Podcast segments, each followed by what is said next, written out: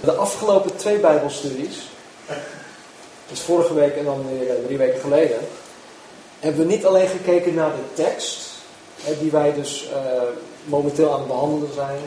Dat was hoofdstuk 5 volgens mij, een gedeelte van hoofdstuk 6. Maar we hebben ook naar een aantal basisprincipes gekeken uh, die nodig zijn om tot een juiste opvatting te komen van de Bijbel. We hebben twee, twee dingen, twee dingen ja, min of meer belicht. Um, en daar kom ik zo meteen nog weer op terug, want die twee, daar zijn we klaar mee, dat, dat blijft. Dat moeten we blijven, blijven toepassen. Elke keer als we de Bijbel lezen. Dus daar kom ik herhaaldelijk op terug. Nou, willen wij snappen wat God door de Bijbel heen aan ons vertelt, ja, dan, moeten we het, dan moeten we het lezen van de Bijbel op de juiste manier benaderen. Het lezen, het bestuderen, dat moet gewoon volgens een aantal regels. Om dat te kunnen doen, moeten wij uh, uh, ons aan die regels houden, dat zei ik net. Dus, en dat, die regels, dat zijn dan die, ja, die basisprincipes. Ik weet niet hoe ik dat anders moet noemen. In, in, in, de, in Engels, uh, just basic principles. Is dat basisprincipe? Ja, oké. Okay. Goed, dankjewel. nou, we hebben tot nu toe die twee, uh, twee dingen bekeken, twee basisprincipes. Ten eerste uh, moeten wij alles dat we lezen, lezen in de context waarin het geschreven is. Dat is nummer één, dat is heel belangrijk. En om dat te kunnen doen is het nodig om uh, de verzen daarvoor ook te lezen, maar ook de verzen daarna. En in sommige gevallen, sommige gevallen is het zelfs nodig om een aantal hoofdstukken daarvoor of ervoor te lezen en een aantal hoofdstukken daarna. Of misschien ook wel de hele, het hele boek. Om de juiste context te krijgen van wat er in één stukje staat. En de meeste mensen maken de, de fout om, om een Bijbeltekst uit zijn verband te halen, waardoor je allerlei verschillende interpretaties van kan krijgen. Nou, wat ook nodig is, om het in de context te houden, is jezelf een aantal vragen te stellen. En vragen zoals wie, uh, wat, wanneer, waar, waarom en hoe. En wie spreekt hier? Is een goede vraag. Wie, wie spreekt hier in dit gedeelte? Over wie gaat het? Wie speelt er in dit verhaal de hoofdrol? Tegen wie wordt hier gesproken? Uh, de wat-vraag. Wat is het onderwerp waarover gesproken wordt? Wat kan je leren van de mensen die daar, waar het, uh, die daar uh, ja, een rol in spelen? Wat gebeurt daar? Of wat voor lessen kan je eruit halen? En ook een goede vraag is wanneer? Wanneer is dat gebeurd? Onder welke omstandigheden? Of wanneer moet het nog gebeuren? Als het profetisch is, als het nog niet volbracht is. Wanneer moet het gebeuren? Waar is het gebeurd? Nou, we zijn nu met de Korinthebrief bezig. Het speelde zich af in Korinthe. Waar is dat? Griekenland. Maar hoe kom je dat te weten? Nou, je moet, je onderzoek doen. Je moet, je moet een beetje huiswerk doen. Dus waar is het gebeurd? Waar gaat het gebeuren als, het, als je het hebt over dingen die nog toekomstig zijn? Waar werd dit gezegd? Paulus heeft deze brief geschreven. Maar waar was hij toen hij dit schreef? Ook een goede vraag om te weten. Want dat, dan kan je, kan je jezelf ook plaatsen in, ja, in de hoofd, in de gedachten van de schrijver. En van waar hij was op dat moment. Waarom wordt het gezegd? Waarom zegt Paulus wat hij in dit geval zegt? Nou, zoals ik al zei, het is een corrigerende brief. Het is naar aanleiding van een aantal um, uh, reports, wat is dat?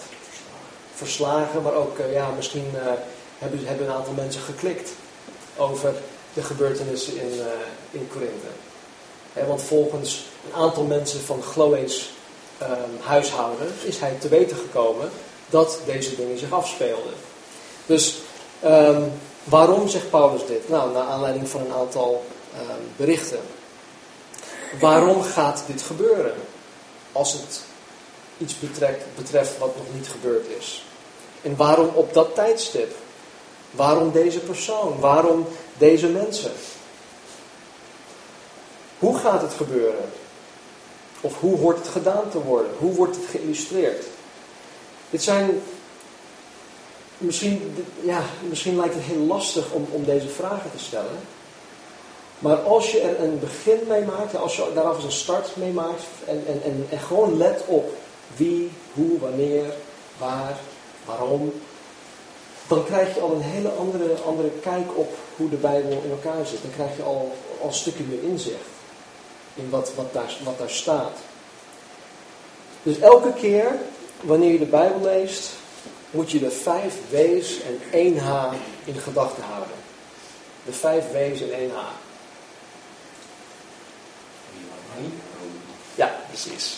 Kasper, hij luistert. Wij ook op een. Ja.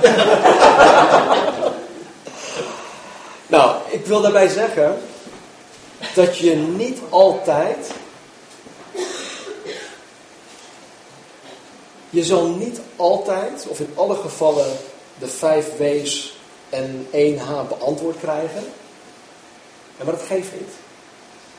Want je kan, zeggen, je kan bijvoorbeeld twee, twee Bijbelversen lezen en daar staat dus bijvoorbeeld niks over wie daar spreekt. Of waar het over gaat, of wie, wie waarom. Dus um, nogmaals, context. Lees de versen daarvoor, lees de versen daarna. Lees het hoofdstuk daarvoor, het hoofdstuk daarna. Maar goed, je zal nooit al, altijd alle vijf W's en een H beantwoord krijgen. Maar waar je wel antwoorden op krijgt, al krijg je één vraag of twee vragen beantwoord, wie of waar of waarom, dan moet je je daarop gaan concentreren. Daar moet je op mediteren, dat is heel belangrijk. Maar ten tweede moeten wij waar mogelijk de schrift vergelijken met de schrift. Hadden we vorige week behandeld. Om, om zo tot een juiste interpretatie te kunnen komen van, van de Bijbel. Van dat schriftgedeelte. En dit is een hele belangrijke principe. Maar het kan ook een hele gevaarlijke principe zijn. Als je het niet goed gebruikt, of op, als je het niet op de juiste manier toepast, dan kan het heel erg gevaarlijk zijn. Waarom? Nou, bijvoorbeeld, het is mogelijk om willekeurige Bijbelversen naast elkaar te leggen, die, um, die misschien dezelfde woorden bevatten, en zo tot een, uh, ja, tot een conclusie te, kunnen, uh, te komen. En je kan, je kan een aantal versen naast elkaar leggen om zo jouw vooronderstelling te onderbouwen. En stel dat je, dat je een, een, een idee hebt en je, weet niet meer precies waar, ooit heb je het in de Bijbel gelezen of ooit heb je het van iemand gehoord, uh, maakt niet uit van waar, maar dat zit gewoon roestvast uh, tussen je oren en, en je komt daar niet meer vanaf. En dan, en dan haal je, oh ja, nou, die twee Bijbelteksten, oh oké, dat, nee, dat, dat hoort zo, want dat staat in de Bijbel.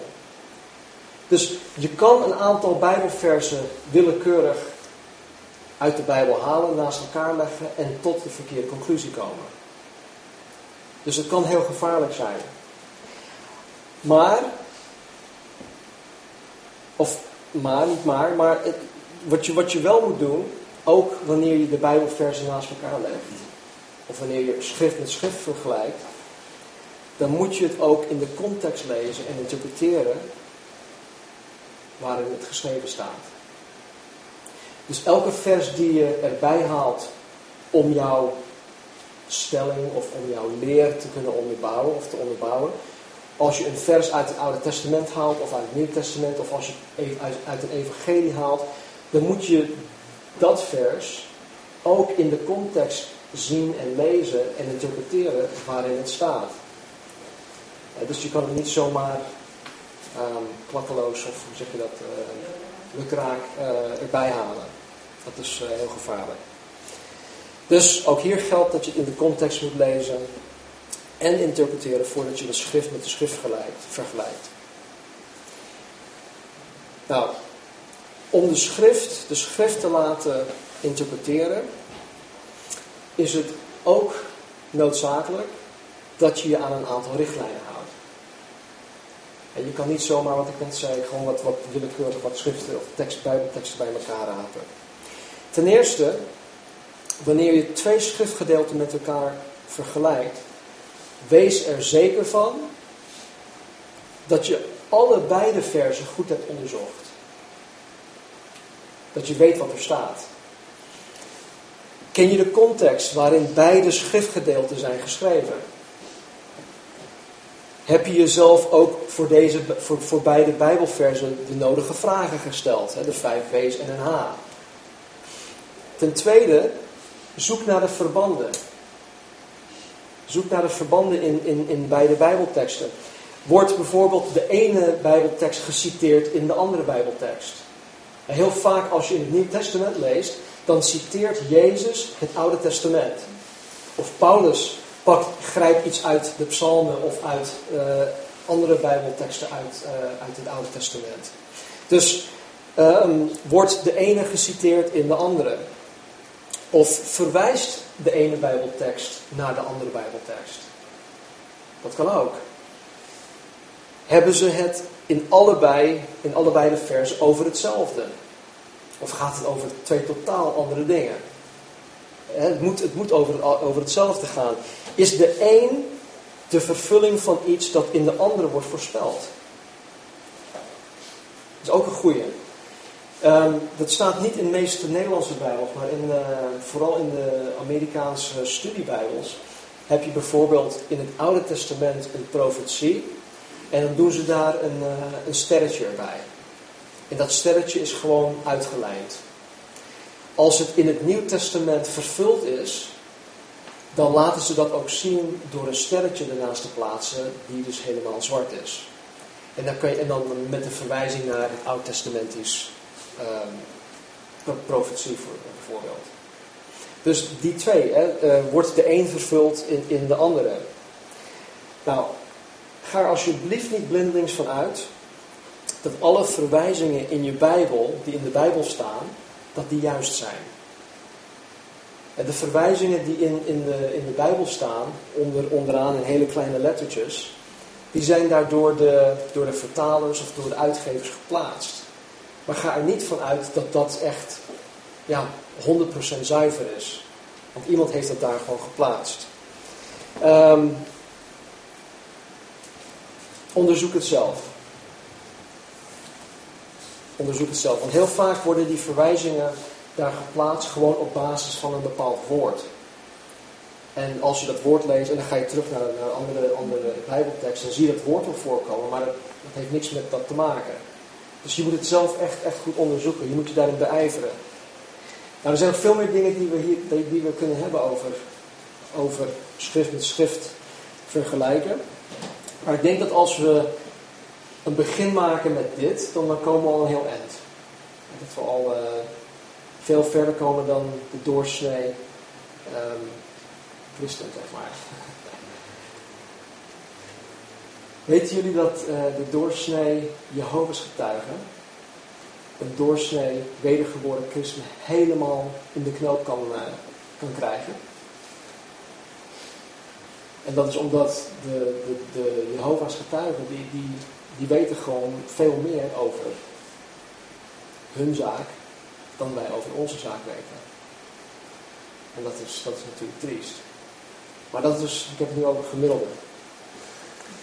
Nou, voordat we in 1 Korinthe 6 uh, gaan duiken, wil ik nog even kijken naar één voorbeeld waar we uh, dit heel duidelijk naar voren zien komen. dus wat, wat, we net hadden besproken. Deze basisprincipe. Um, sla met mij je Bijbels open tot, of op Johannes hoofdstuk 14.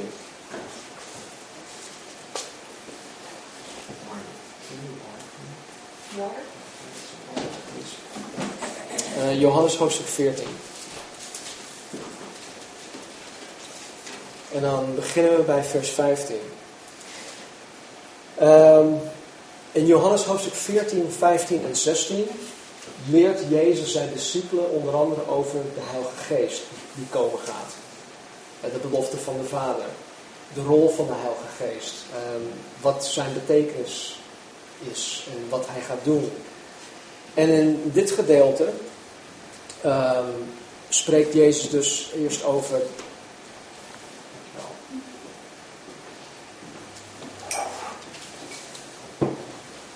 spreekt hij eerst over de, de komst of de belofte. En hij zegt tegen zijn discipelen, als u mij lief hebt, bewaar dan mijn geboden. En ik zal de Vader bidden en hij zal u een andere trooster geven, opdat hij bij u blijft tot een eeuwigheid. Namelijk de geest van de waarheid, die de wereld niet kan ontvangen, want zij ziet hem niet en kent hem niet, maar u kent hem, want hij blijft bij u en zal in u zijn. Tot zover. Dus Jezus zegt hier tot zijn discipelen dat de Heilige Geest met hen is en dat de Heilige Geest in hen zal zijn. Hij zegt veel meer in dit stukje, maar ik wil even alleen die, die twee dingen belichten. De wereld kent hem niet, maar u kent hem, zegt hij tegen zijn discipelen, want hij blijft bij u, of hij is met u en hij zal in u zijn. Nou, even naar voren, naar uh, Johannes hoofdstuk 20.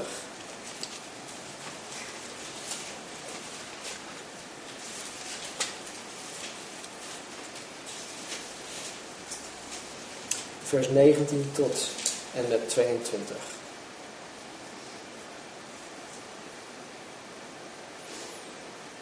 Nou, in dit, in dit geval was Jezus al uh, gekruisigd, al opgestaan.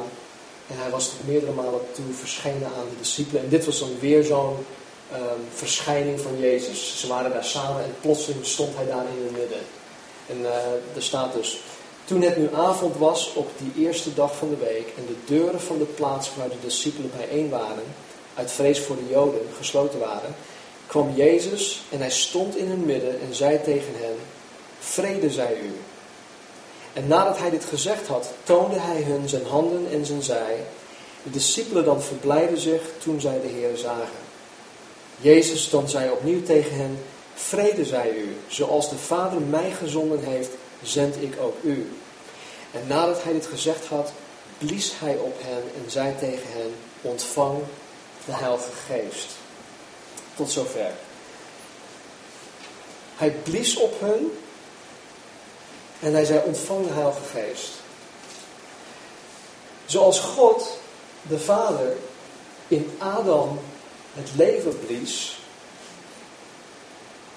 geloof ik dat Jezus de Heilige Geest op dit moment in de levens van de discipelen blies, waardoor zij op dit specifiek moment tot wedergeboorte waren gekomen.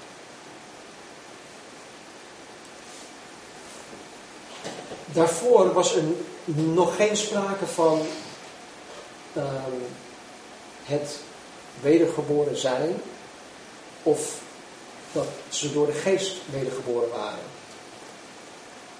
Jezus Christus moest eerst sterven voor hun zonde. Hij moest eerst opstaan voordat ze tot wedergeboorte konden komen überhaupt. En nu ziet hij hun en hij blies de Heilige Geest in hun. En hij zegt, en zoals de Vader mij gezonden heeft, zend ik ook u. Nou, daar kom ik nog op terug. Even verder in Handelingen hoofdstuk 1, vers 1. Handelingen 1, vers 1. Tot en met 8.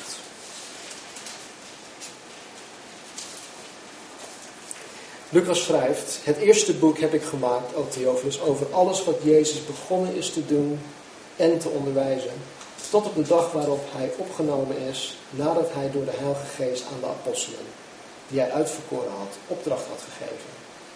Hij heeft zichzelf nadat hij geleden had ook levend aan hen vertoond, met veel onmiskenbare bewijzen, veertig dagen lang, waarbij hij door hen gezien werd en over de dingen sprak die het koninkrijk van God betreffen. En toen hij met hen samen was, beval hij hun dat zij niet uit Jeruzalem weg zouden gaan, maar de belofte van de Vader zouden verwachten, die u, zei hij, van mij gehoord hebt. Want Johannes doopte wel met water, maar u zult met de Heilige Geest gedoopt worden, niet lang na deze dagen.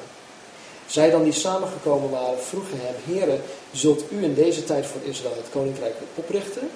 En hij zei tegen hen, het komt u niet toe de tijden, het komt u niet toe de tijden of gelegenheden te weten die de Vader in zijn eigen macht gesteld heeft. Maar u zult de kracht van de Heilige Geest ontvangen die over u komen zal.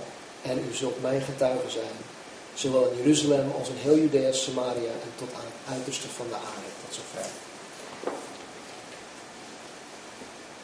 In Johannes 14 lazen we, zagen we dat Jezus zijn discipelen instrueerde over de komst van de Heilige Geest. Hij is met je, en ik geloof dat hij met hen was in de persoon Jezus Christus, want de geest was op hem. En hij zei, en hij zal in u zijn. In Johannes 20 zien wij dat hij de Heilige Geest in hun blies. En hier krijgen we ineens de belofte van de Vader. En hij zei, wacht. Wacht in Jeruzalem, ga niet weg totdat de belofte van de Vader komt. En dan zul je getuige zijn, wanneer de Heilige Geest over je heen komt. Dus we zien weer een, een, een, weer een, een andere relatie met de Heilige Geest. Eerst was hij met hun. In Johannes 20 is hij in hun. En nu zegt Jezus wanneer hij over je heen komt. Hè, wanneer je overspoeld wordt. En dan in Handelingen 2. Het, ja, waarschijnlijk het meest bekende gedeelte uit Handelingen.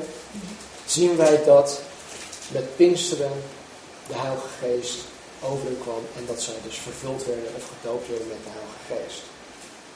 Nou, zoals ik al zei, ik geloof dat de Heilige Geest op het moment in Johannes 14 en met hun was in de persoon Jezus. In Johannes 20 werden ze wedergeboren. En ik geloof dat uh, als laatste, wat, wat we hier ook zien in handelingen 1 en handelingen 2, dat dat de vervulling is van wat niet alleen Jezus zei in handelingen 1 vers 8, maar ook de vervulling van Joel 2 vers 28. Wat Petrus dan ook uitlegt naderhand. Nou, waarom dit? Nou, ik denk dat dit een heel een, een actueel voorbeeld is van hoe wij de schrift met de schrift kunnen vergelijken om tot een juiste interpretatie te kunnen komen over wat de Bijbel ons leert over onze relatie met de Heilige Geest. Er zijn bijvoorbeeld um,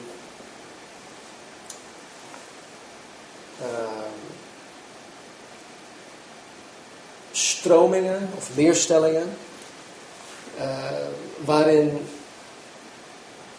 men zegt dat uh, op het moment dat je tot wedergeboorte komt, dat je de, de, volledige kracht en alles wat je nodig hebt om getuige te zijn, meteen hebt. He, dus ik zeg, Heer, ik geloof in u, ik ben wedergeboren, that's it. Dat is alles wat ik, wat ik nodig heb.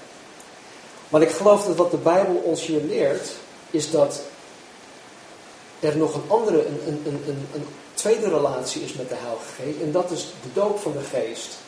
Wanneer de Heilige Geest over je heen komt. Want niet voor niets zei Jezus tegen hen.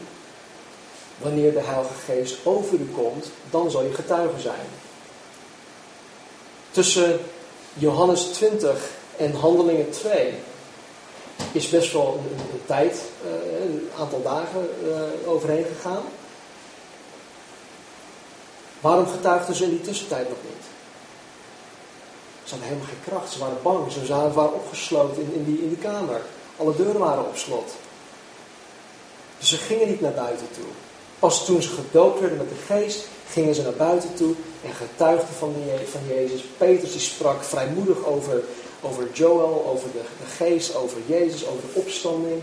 En 3000 mensen waren tot bekering gekomen.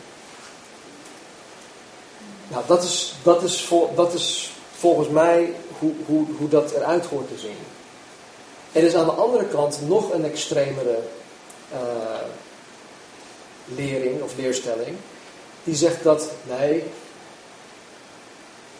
je moet gedoopt worden met de Heilige Geest. En dan moet je nog eens bepaalde dingen vertonen. Het is, het is niet alleen getuigen zijn, maar je moet, uh, je moet dit doen en je moet dit manifesteren en je moet dat manifesteren. Want als je dat niet hebt of niet krijgt, ja, dan kan je ervan uitgaan dat je niet gedoopt bent met de geest. Nou, twee jaar, in de afgelopen twee jaar hebben we door, zijn we door het boek Handelingen heen gegaan. En we hebben heel duidelijk gezien dat er in, in, verschillende uh, gevallen mensen gedoopt werden met de Heilige Geest en elke keer was het weer anders. We zagen dat mensen in één keer ook in tongen begonnen te spreken, handelingen 2. We zagen ook dat mensen, terwijl Petrus nog sprak, de Heilige Geest op hen viel en dat ze, tot, hè, dat ze gedoopt werden met de Geest. En we zagen ook dat er bij sommigen helemaal niks gebeurde. Dus God, God is, God, uh, er is geen formule, wil ik, wil ik erbij zeggen. Je kan niet zeggen van, joh, als je, als je niet in tongen spreekt, ben je niet gedoopt met de Heilige Geest. Dat is onzin. En toch zijn er mensen die, die, echt, die dat echt beweren. En, en ze, kijken je echt, ze kijken echt op je neer als je dus bepaalde dingen niet doet. En dat is gewoon triest, want dat is niet waar. Nou, dit is dus een, eh, een heel actueel voorbeeld. En in dit voorbeeld heb ik dus de eerste twee uh, basisprincipes toegepast. Hè, de context, de vijf B's en H en het vergelijken van de schrift met de schrift. Nou, om nog even heel snel hierop terug te komen. Wie sprak er in Johannes 14, 20 en Handelingen 1? Jezus sprak, oké. Ja, Jezus sprak. En hij sprak in alle drie gevallen tot wie? Tot zijn discipelen. Nou, wat? Het ging in alle drie, drie gevallen over de rol van de Heilige Geest. In de levens van zijn discipelen. Derde Wanneer? Nou, Jezus zei in een aantal versen dat hetgeen zou gaan gebeuren. En in een aantal vragen, uh, versen zagen wij dat het ook inderdaad gebeurde. Dus hij zei in, in vers 14, of in hoofdstuk 14, hij zal in je zijn. Nou, in hoofdstuk 20 zagen we dat gebeuren. In, Johannes, in uh, Handelingen 1 zagen we dat Jezus zei wanneer de Heilige Geest over u heen komt. En we zagen dat ook in Handelingen 2 gebeuren. Waar? Nou, in Jeruzalem. Waarom? Om getuige te zijn. Hoe? Want ze moesten in Jeruzalem blijven wachten. Nou, het vergelijken van de schrift met de schrift. We zagen dat de ene tekst ehm, de ene tekst verwees naar de andere tekst. En als je dit niet weet, dan, dan lees je daar gewoon overheen. Maar als je, als je nu met deze, deze kennis Johannes hoofdstuk 14 leest, en dan ook nog eens hoofdstuk 20, dan, dan leg je het verband tussen die twee hoofdstukken. Hé, hey, Jezus zei in hoofdstuk 14 dat de Heilige Geest in hun zou zijn. In hoofdstuk 20 zien we dat Jezus de Heilige Geest in hen blies. Hé, hey, die twee, die horen bij elkaar. Dus er is een verband. En als je de Bijbel met die gedachten gaat lezen, dan zal je al die verschillende verbanden gaan zien. En niet alleen in Johannes, maar tussen Johannes en bijvoorbeeld Openbaring, of tussen Johannes en 1 Johannes, of tussen de brieven van Paulus en het Oude Testament. En dan ga je al die verbanden zien. Dan gaat een hele wereld voor je open. En dan gaan sommigen van jullie zelfs hier staan om ons de les te leren. Geloof me nou.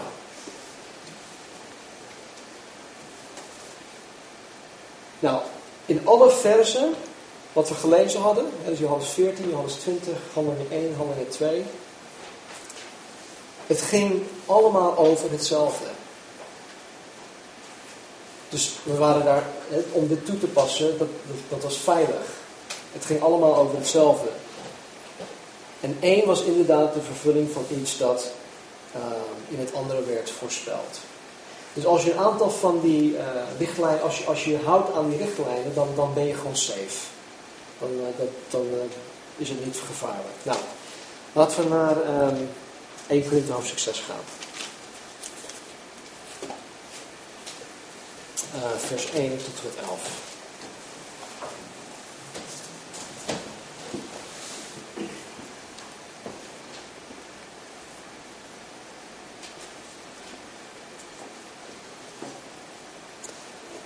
Paulus zegt, durft iemand van u die een geschil heeft met een ander, zijn recht te zoeken bij de onrechtvaardigen en niet bij de heiligen? Weet u niet dat de heiligen de wereld zullen oordelen? En als door u de wereld geoordeeld wordt, bent u dan ongeschikt voor de meest onbeduidende rechtszaken? Weet u niet dat wij engelen zullen oordelen? Hoeveel te meer dan alledaagse dingen? Als u dus rechtszaken hebt over alledaagse dingen, stel dan hen aan die in de gemeente niet in aanzien zijn. Tot beschaming zeg ik u dit. Is er dan onder u geen enkel wijs mens die in staat, is een oor, in staat zal zijn een oordeel te vellen in een geschil tussen broeders? Integendeel, de ene broeder spant tegen de andere broeder een rechtszaak aan, en dat bij ongelovigen. Dan is er onder u al volledig sprake van verlies. Dat u onder elkaar rechtszaken hebt. Waarom leidt u niet liever onrecht? Waarom laat u zich niet liever benadelen? U echter doet onrecht en benadeelt anderen. En dat nog wel, broeders. Of weet u niet dat onrechtvaardigen het koninkrijk van God niet zullen beërven? Dwaal niet. Hoereerders, afgodendienaars, overspelers, schandknapen, mannen die met mannen gemeenschap hebben, dieven, hebzuchtige, dronkaards, lasteraars en rovers zullen het koninkrijk van God niet beërven. En sommigen van u zijn dat geweest, maar u bent schoongewassen en geheiligd en gerechtvaardigd in de naam van de Heer Jezus en door de geest van onze God. Tot zover. Nou, ik wil me vanavond um, beperken tot, tot twee versen. En dat is vers 2 en vers 3. En daar staat, weet u niet dat de heiligen de wereld zullen oordelen? En als door u de wereld geoordeeld wordt, zou u dan ongeschikt zijn voor de meest onbeduidende rechtszaken? Weet u niet dat wij engelen zullen oordelen? Hoeveel te meer dan alledaagse dingen? Nou, Paulus zegt dat, dat de heiligen, en dat zijn wij, wij die wedergeboren zijn, zijn de heiligen. Ik ben een heilige. Ik ben Sint Stan. De, weer, de heiligen, wij, zullen de wereld en de engelen oordelen. De Bijbel leert ons in openbaringen 2 en 3 dat wanneer Jezus Christus zijn duizendjarig rijk hier op aarde zal vestigen, alle heiligen samen met hem zullen gaan regeren. En ik geloof dat één aspect van het regeren is dat wij de ongelovige wereld zullen gaan oordelen. En wij zullen, wij zullen de ongelovige wereld, de mensen gaan berechten. Ook leert de Bijbel ons hier in dit gedeelte dat wij engelen zullen oordelen. Engelen. Wij mensen gaan engelen oordelen. Maar ik vind, ik vind het idee dat, dat wij engelen gaan oordelen, ja, ik vind het echt boeiend. Want wie, wie ben ik? Als je aan engelen denkt, hebben jullie ooit gelezen wat, wat, waar een engel toe in staat is? Dat, dat waar een engel iets, iets zegt, dat, dat in de tempel de, de, de, het fundament, de grondvesting, dat dat allemaal gaat, gaat, gaat trillen alsof het een aardbeving is. Een engel kan, kan, uh, kan duizenden mensen in één klap gewoon vernietigen. En dan ga ik over engelen oordelen. Dan heeft God gewoon hele mooie dingen voor mij in petto. Kijk, als we, als we hier op aarde naar elkaar kijken van, wauw, Hé, wij? Kan het nou? Maar God heeft iets heel bijzonders voor ons. Voor ieder van ons. In de toekomst. Dus ik vind dat heel boeiend. Maar ik geloof dus niet dat wij onze beschermengelen gaan beoordelen op hun wanprestaties. een maand geleden was ik, uh, was ik op zondagmorgen was ik uh, heel erg gehaast en gestrest. En ik ging uh, van boven naar beneden en weer heen en weer. En op een gegeven moment, ik weet niet hoe ik dat deed, maar ik viel. Dus ik viel op de trap op. niet de trap af, maar ik viel de trap op. Dus ik struikelde, ik met mijn voet bleef hangen. En met, met heel mijn gewicht en een hoop vaart, zo tegen een, een treden aan op mijn, tegen mijn scheen. Beide schenen, zo kuus. Ik heb er nu nog last van. Dat is een maand geleden. En ik zou zeggen, van ja, waar is mijn beschermengel op dat moment? ik ben bezig met het werk van de Heer. Nou, die zal ik wel pakken straks. nou, dat, dat zal het volgens mij niet zijn. Maar ik, ja, ik, weet, ik kan het niet hard maken, maar ik, ik geloof wel dat wij een rol zullen gaan spelen in het oordelen van de gevallen engelen. De demonen, dat zijn, dat zijn gewoon engelen. Ik geloof ook dat het feit dat wij, de, dat wij als gelovigen op een zekere dag boven de engelen komen te staan. En hè, dat wij hun zullen gaan oordelen. Ik geloof dat dat feit een hele grote kwelling is voor Satan. Nogmaals, ik kan het niet hard maken. Maar Hebreeën 1 leert ons dat engelen dienende geesten zijn om de christenen te dienen. Dus op dit moment zijn er wezens die duizendmaal sterker en machtiger zijn dan wij, die zijn er om ons te dienen. En ik kan me voorstellen dat Satan niets te maken wilde hebben met het dienen van een minderwaardige klasse schepselen zoals wij. want hij, hij, hij had hoogmoed, trots. En dat was zijn eerste zonde. En hij die zo trots was, of trots is, met hoogmoed, die zou denken van, moet ik die gasten gaan dienen? No way. Vergeet het maar. Sterker nog, ik, ik weet wel zeker dat hij zich niet wilde onderwerpen aan het oordeel van deze minderwaardige schepselen. Want stel je voor, als Satan al weet van, joh, ik moet, die, ik moet eh, de mens gaan dienen. En God, u heeft de mens geschapen om ons straks te gaan oordelen. Nou, it, dat, dat, dat doe ik echt niet. Vandaar geloof ik dat hij zich tegen God heeft gekeerd. En dat hij ook vastberaden is om zoveel mensen als mogelijk te weerhouden van het oordelen van zichzelf en de demonen. Dus wat doet Satan? Satan doet alles om mensen te weerhouden van het geloof. Want hij weet dat wanneer een persoon tot geloof komt, dat weer eentje zal zijn die hem gaat oordelen.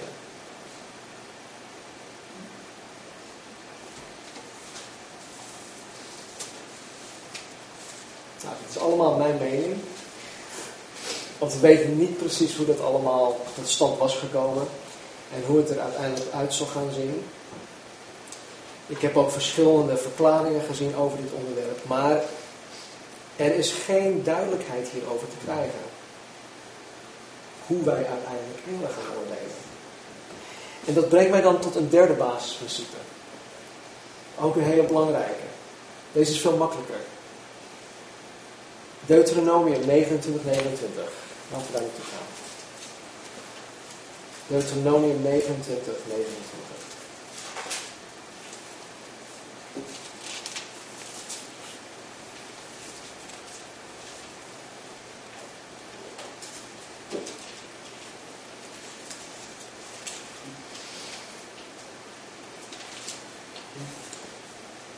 De verborgen dingen zijn voor de Heer onze God.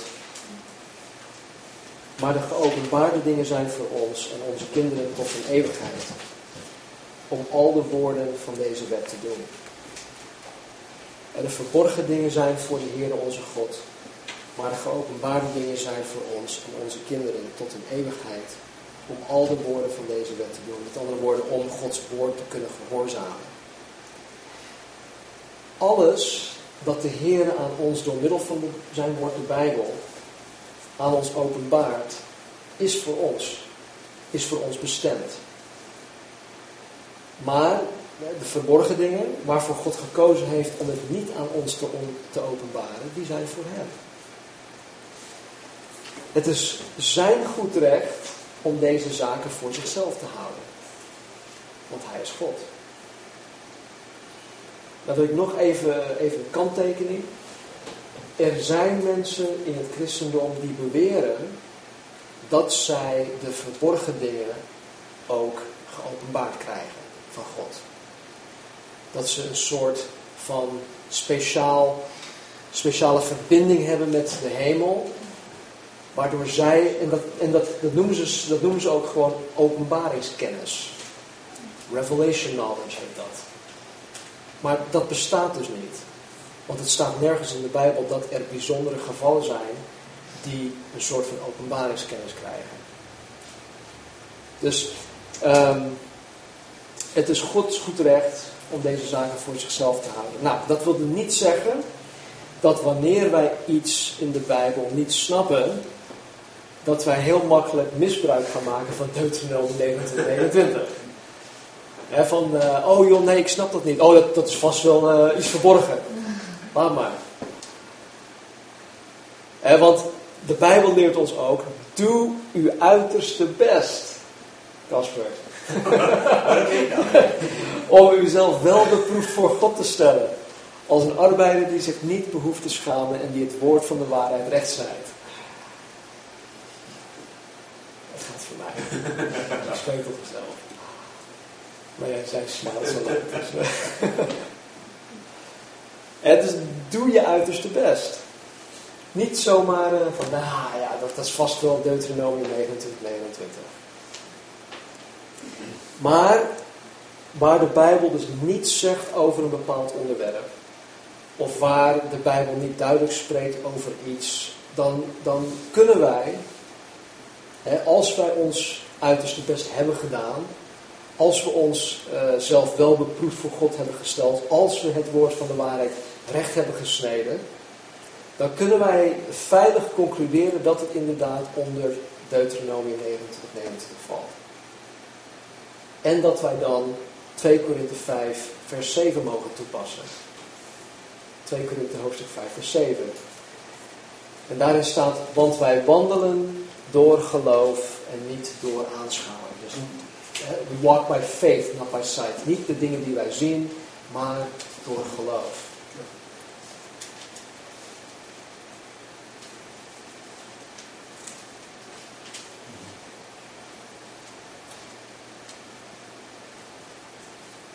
Er zijn ook dingen, dit is weer even een uitzondering.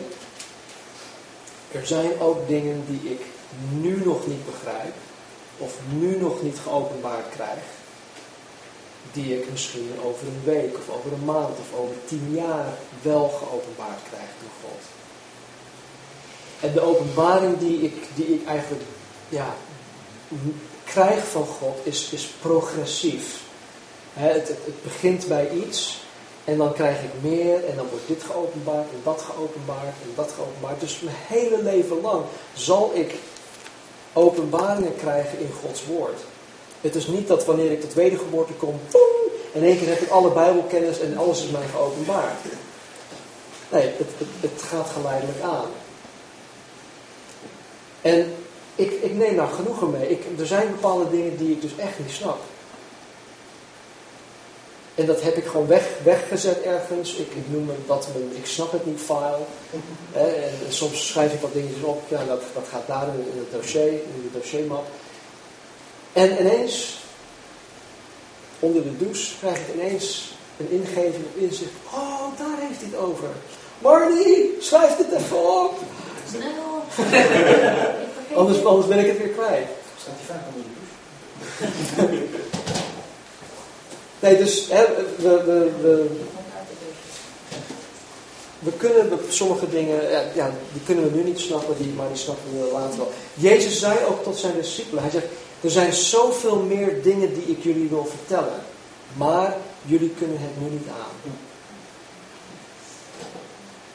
Maar straks, later, op een later tijdstip, zal je het wel aan kunnen. Als je een baby bent, melk nodig. Straks heb je vast voedsel nodig, vlees. En als je straks met een kunst, kunstgebit rondloopt, dan ga je... Nee, Te Nee, maar weet je, wij wandelen door geloof en niet door aanschouwen, niet door de dingen die we zien. En dat is voor veel mensen heel moeilijk.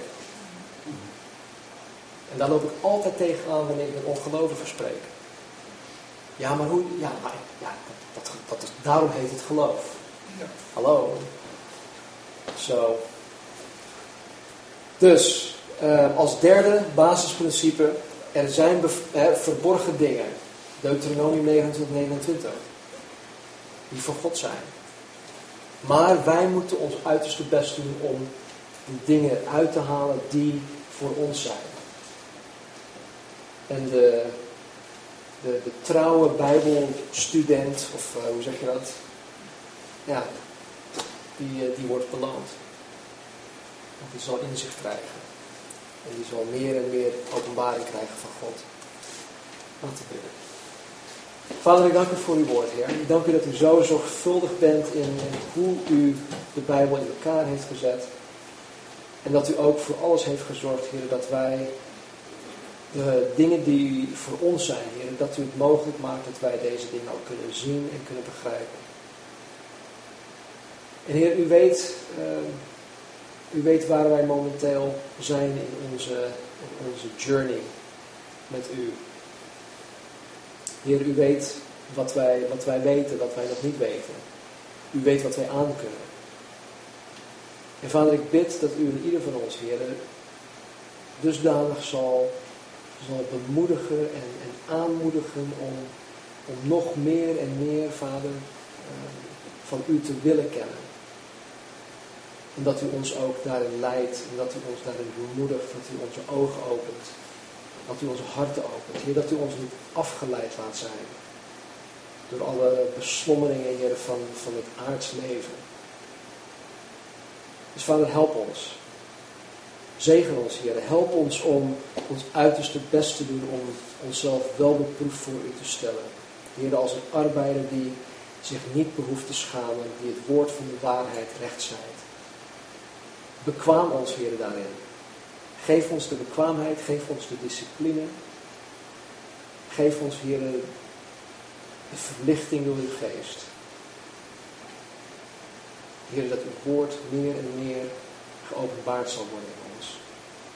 Heer, dat het woord van Christus rijkelijk in ons gaat wonen. Meer en meer. Dank u wel, Vader. Dank u voor uw woord, dank u voor uw geest. Dank u, Vader, voor zoveel mensen die voor ons zijn gegaan, Heer, om, ja, om deze richtlijnen te geven. Heer, om, om het woord vast te leggen. De Joden, Heer, die zo zorgvuldig zijn geweest. Heer, de anderen die het Nieuw Testament vastgelegd hebben. Dank u wel. Dank u wel, Heer, dat het evangelie die 2000 jaar geleden, Heer, op aarde is gekomen, dat het tot ons is gekomen, Heer, anno 2009. En Heer, dat we nog steeds van dezezelfde, van dezelfde zuivere evangelie, mogen genieten. Help ons, Heer, om u beter te leren kennen. In Jezus' naam. Amen.